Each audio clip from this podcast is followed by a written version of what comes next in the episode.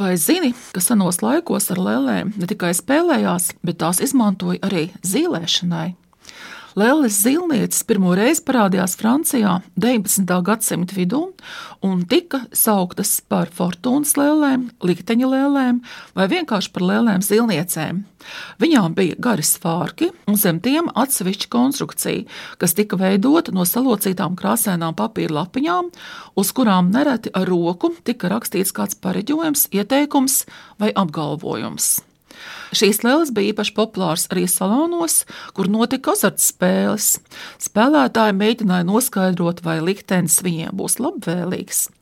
Laika gaitā lēles sāka izgatavot arī Vācijā. Padomi un prognozes tika rakstīts gan vācu, gan franču valodā, lai šādas lēles piegādātu Francijas tirgumu, kur tās bija īpaši populāras.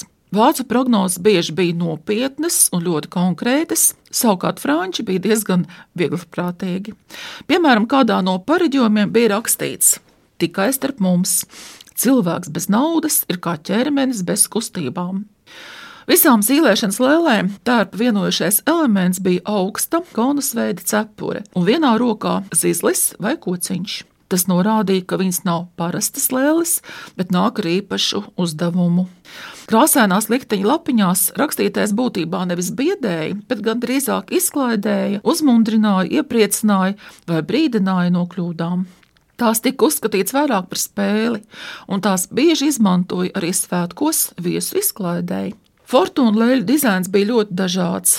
Dažkārt tās bija smalkas dāmas, izgatavotas no glazēta porcelāna, koka vai papiemašē papīra masas, bet dažkārt tās bija pavisam vienkāršas lēlas. Tās nebija dāmas, bet gan ļoti vienkārši rotaļīgi tēli.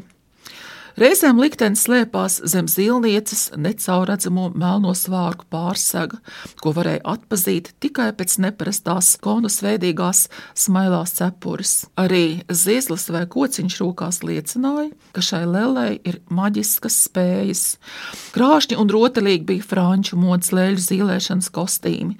Tie bieži tika dekorēti ar zvaniņiem, kas iezvanījās, kad kādas personas pirksti čaukstināja salocītās papīra lapiņas cerībā, ka kādā no tām viņš izlasīs tieši to, kas viņam bija paredzēts. Zīlēšanas iespējām bija vairāk lēļu dizaina varianti. Pirmajā vienkāršajā variantā lēlē bija pievienots kāds accessors, soma, groziņš vai maisiņš ar prognožu kartiņām. Atlika vien izvilkt vienu lapiņu un uzzināt, ko liktenis tev piesola.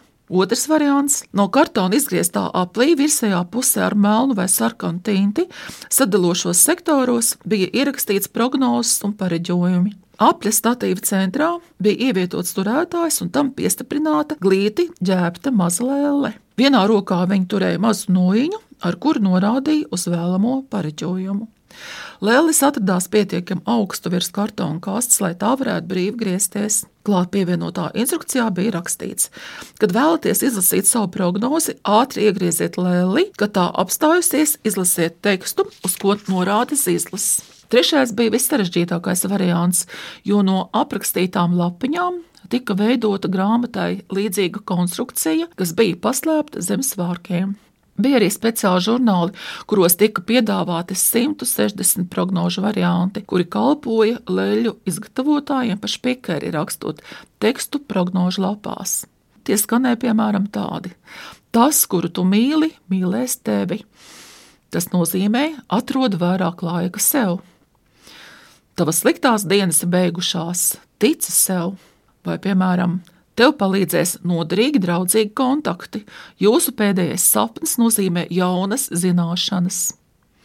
Cilvēki par tevi runā, tu neesi ģērbies pēc pēdējās modes, un daudz citu variantu. Šķiet, ka šādas prognozes izklausās visai laikmetīgi arī mūsdienās.